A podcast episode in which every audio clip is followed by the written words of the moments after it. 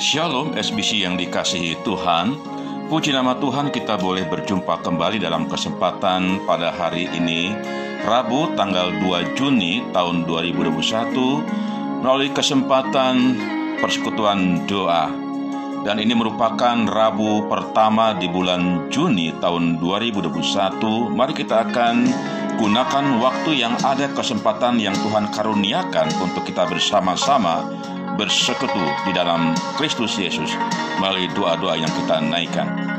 Sebelumnya mari kita akan minta pimpinan Tuhan, kita akan berdoa lebih dahulu. Bapa Sorgawi, Bapa yang mengasihi kami, Bapa dalam nama Tuhan Yesus Kristus, kami menaikkan pujian dan syukur untuk kesempatan yang Tuhan karuniakan pada hari ini. Kami anak-anakmu semua bersehati bersepakat untuk menaikkan doa karena itu kami mohon pertolongan dan pimpinan Tuhan di sepanjang ibadah ini berlangsung. Karya Allah dinyatakan hadiratmu pun boleh dirasakan oleh setiap pribadi. Kemuliaan Allah dan damai sejahtera Allah yang melampaui segala akal itu hadir bersama kami pada hari ini. Pimpin kami sekalian dalam nama Kristus Yesus Allah yang hidup kami menaikkan doa dan syukur kami. Haleluya. Amin. Bapak Ibu, Saudara sekalian dalam kasih Kristus sebelum lebih jauh kita akan bersama-sama menaikkan doa syafaat. Mari kita akan bersama-sama merenungkan satu bagian firman Tuhan yang pada hari ini mengambil judul Yesus berdoa bagi kita. Dengan nas Alkitab diambil dari Roma pasal 8 ayat 34. Demikian berbunyi, Kristus Yesus yang telah mati, bahkan lebih lagi yang telah bangkit, yang juga duduk di sebelah kanan Allah, yang malah menjadi pembela bagi kita. Sejak Tuhan Yesus naik ke sorga, dia menempati posisi duduk di sebelah kanan Allah Bapa. Lalu Yesus disebut sebagai pembela bagi kita sekalian orang yang percaya. Dalam artian bahwa Yesus Kristus Tuhan kita berperan sebagai perantara antara manusia dan Allah Bapa. Melalui Yesus, doa-doa kita sampai kepada Bapa di sorga. Tidak ada pribadi lain yang mampu untuk melakukan hal ini selain daripada Tuhan Yesus Kristus sendiri. Ibrani pasal 7 ayat 22, kemudian ayat 24 sampai dengan ayat 25 berkata demikian. Demikian pula Yesus adalah jaminan dari suatu perjanjian yang lebih kuat karena ia tetap selama-lamanya imamatnya tidak dapat beralih kepada orang lain. Karena itu ia sanggup juga menyelamatkan dengan sempurna semua orang yang oleh dia datang kepada Allah. Sebab ia hidup senantiasa untuk menjadi pengantara mereka.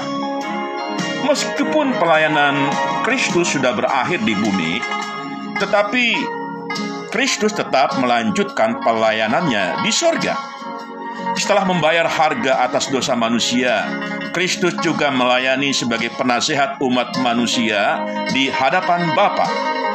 Kenapa manusia butuh penasihat dan pengantara? Seperti disebutkan dalam 1 Petrus pasal 5 sampai dengan 8 bahwa manusia punya musuh yaitu si iblis yang siap menerkam orang-orang percaya. Yesus selalu ada di sana berdoa syafaat bagi umat manusia.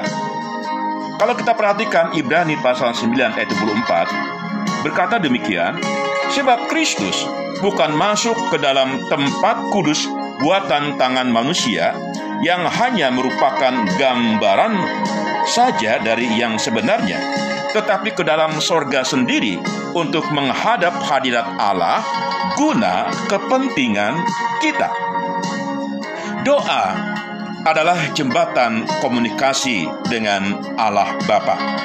Kalau dalam konteks doa syafaat Yesus pun boleh dikatakan demikian bahwa doa adalah suatu jembatan komunikasi dengan Allah Bapa. Itu sebabnya pada waktu kita berdoa kepada Allah Bapa di sorga, maka kita selalu akhiri dengan satu kalimat atau satu kata di dalam nama Tuhan Yesus Kristus. Doa sendiri adalah bagian paling penting selama Yesus hidup di dunia.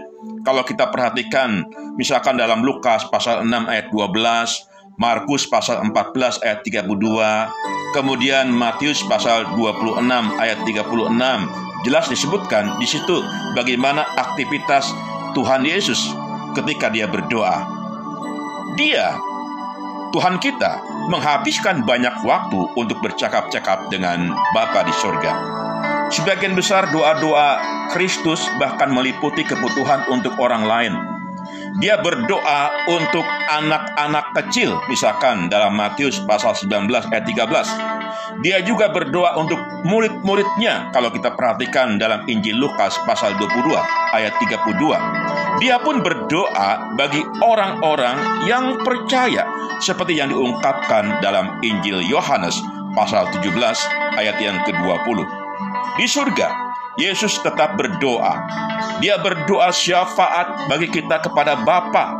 Kalau kita perhatikan jelas disebutkan di situ dalam 1 Yohanes pasal 2 ayat 1. Yesus menjadi pembela kita yang menggantikan kita memohon kepada Bapa atas nama kita.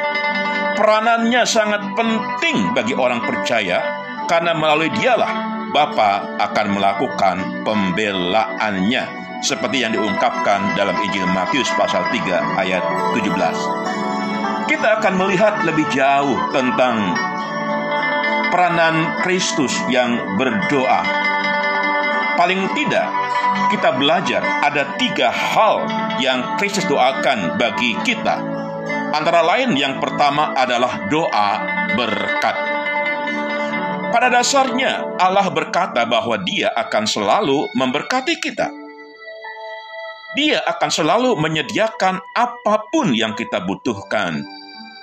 Dan semua itu akan diberikan kalau kita meminta kepadanya karena Allah sendiri rindu untuk bersekutu dengan kita. Itu sebabnya Yesus Kristus mengajarkan kita doa dalam Matius pasal 6 ayat 11. Berikanlah kami pada hari ini makanan kami yang secukupnya. Ini merupakan doa memohon berkat dan percayalah yakin sepenuhnya bahwa kalau sampai sekarang kita tetap mendapatkan pemeliharaan berkat Tuhan, itu pun karena doa-doa yang disampaikan Kristus bagi kita sekalian. Waktu kita meminta dalam nama Tuhan Yesus, maka Yesus akan menyampaikan permohonan berkat kepada Bapa atas nama kita sehingga kita senantiasa boleh diberkati di sepanjang hidup kita. Yang kedua yang kita belajar adalah doa perlindungan. Dalam Injil Yohanes pasal 17, Yesus berdoa supaya Allah memelihara hidup kita. Dia juga berdoa supaya kita hidup dalam kesatuan sama seperti Allah dan Yesus adalah satu seperti yang diungkapkan dalam Injil Yohanes pasal 17 ayat 9 sampai dengan 11 berkata demikian Aku berdoa untuk mereka bukan untuk dunia aku berdoa tetapi untuk mereka yang telah engkau berikan kepadaku. Sebab mereka adalah milikmu dan segala milikku adalah milikmu dan milikmu adalah milikku. Dan aku telah dipermuliakan di dalam mereka. Dan aku tidak ada lagi di dalam dunia tetapi mereka masih ada di dalam dunia. Dan aku datang kepadamu ya Bapa yang kudus peliharalah mereka dalam namamu, yaitu namamu yang telah engkau berikan kepadaku, supaya mereka menjadi satu sama seperti kita. Jelas sekali dalam Injil Yohanes pasal 17 ayat 9 sampai dengan 11 ini. Ini merupakan permohonan Kristus kepada Bapa supaya Bapa berkenan memberikan permeliharaan dan perlindungan buat kita orang yang percaya. Yang ketiga, kita belajar doa pengampunan. Dalam Injil Lukas pasal 23 ayat 24, Yesus berdoa atas pengampunan bagi orang yang menyebabkan penderitaannya. Ya Bapa, ampunilah mereka sebab mereka tidak tahu apa yang mereka perbuat. Doa yang sama juga akan selalu dipanjatkan Tuhan Yesus bagi setiap orang dari sorga. Dia mau kita diperdamaikan dengan Allah Bapa. Ini membuktikan kasih Kristus atas umat manusia. Kristus tidak ingin orang yang percaya terhilang. Karena itu, dia tetap merindukan supaya setiap orang percaya ada di dalam pengampunan. Itu sebabnya mengapa Tuhan Yesus sampai sekarang terus berdoa bagi pengampunan kita. Kalau Yesus saja berdoa syafaat untuk kita, kenapa kita tidak? Kita diberikan penolong yang lain yaitu Roh Kudus yang membantu kita mengucapkan keluhan-keluhan yang tidak tersampaikan kepada Bapa.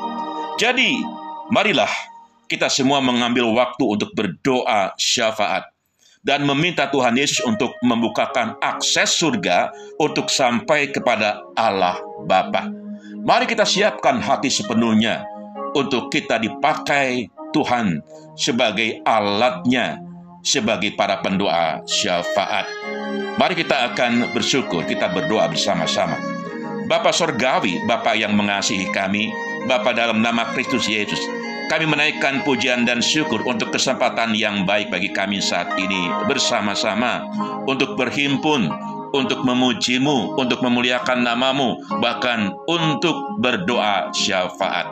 Terima kasih untuk kepercayaan yang Tuhan karuniakan kepada kami sebagai para pendoa syafaat dan kami rindu setiap pribadi di lingkup jemaat yang Tuhan kasihi jemaat Gereja Baptis Indonesia Selapajang Jaya mereka boleh berperan serta juga sebagai para pendoa syafaat. Terima kasih Tuhan Yesus. Kami terus menyerahkan setiap pribadi dalam tangan kasih kuasa Tuhan Berkati kami, urapi kami semuanya. Berikan kepada kami semangat untuk tetap memiliki komitmen, kesetiaan sebagai para pendoa syafaat. Berkati setiap diri kami ya Tuhan. Berkati keluarga kami masing-masing. Kami serahkan doa ini dalam nama Tuhan Yesus Kristus yang sampai saat ini tetap dengan setia berdoa bagi kami orang yang percaya. Haleluya. Amin. Jemaat yang dikasih Tuhan, mari kita akan masuk dalam doa syafaat. Jangan lupa terus untuk berdoa bagi saudara kita yang sedang sakit, yang mengalami kelemahan fisik. Terus bawa dalam doa. Demikian juga kita berdoa bagi calon baptisan yang akan dibaptiskan nanti tanggal 15 Agustus tahun 2021, tolong berdoa supaya mereka diberikan kekuatan, kesungguhan hati, kesiapan, baik secara mental maupun spiritual. Tuhan karuniakan kepada mereka semuanya kesehatan dan kekuatan. Demikian kita berdoa juga nanti untuk saudara Franz dan saudara Sansan yang akan diteguhkan dalam pernikahan yang rencananya akan dilaksanakan pada bulan Oktober yang akan datang. Mari kita akan doakan bersama-sama pokok doa yang lain. Doakan terus gereja kita, rencana renovasi gereja kita. Terus kita akan berdoa bagi bangsa dan negara. Dan kalau ada tambahan doa lain, silakan untuk diangkat. Kalaupun ada pergumulan pribadi, silakan. Ini kesempatan yang baik untuk kita berdoa bersama-sama. Selamat berdoa syafaat. Tuhan Yesus memberkati kita sekalian. Haleluya. Amin.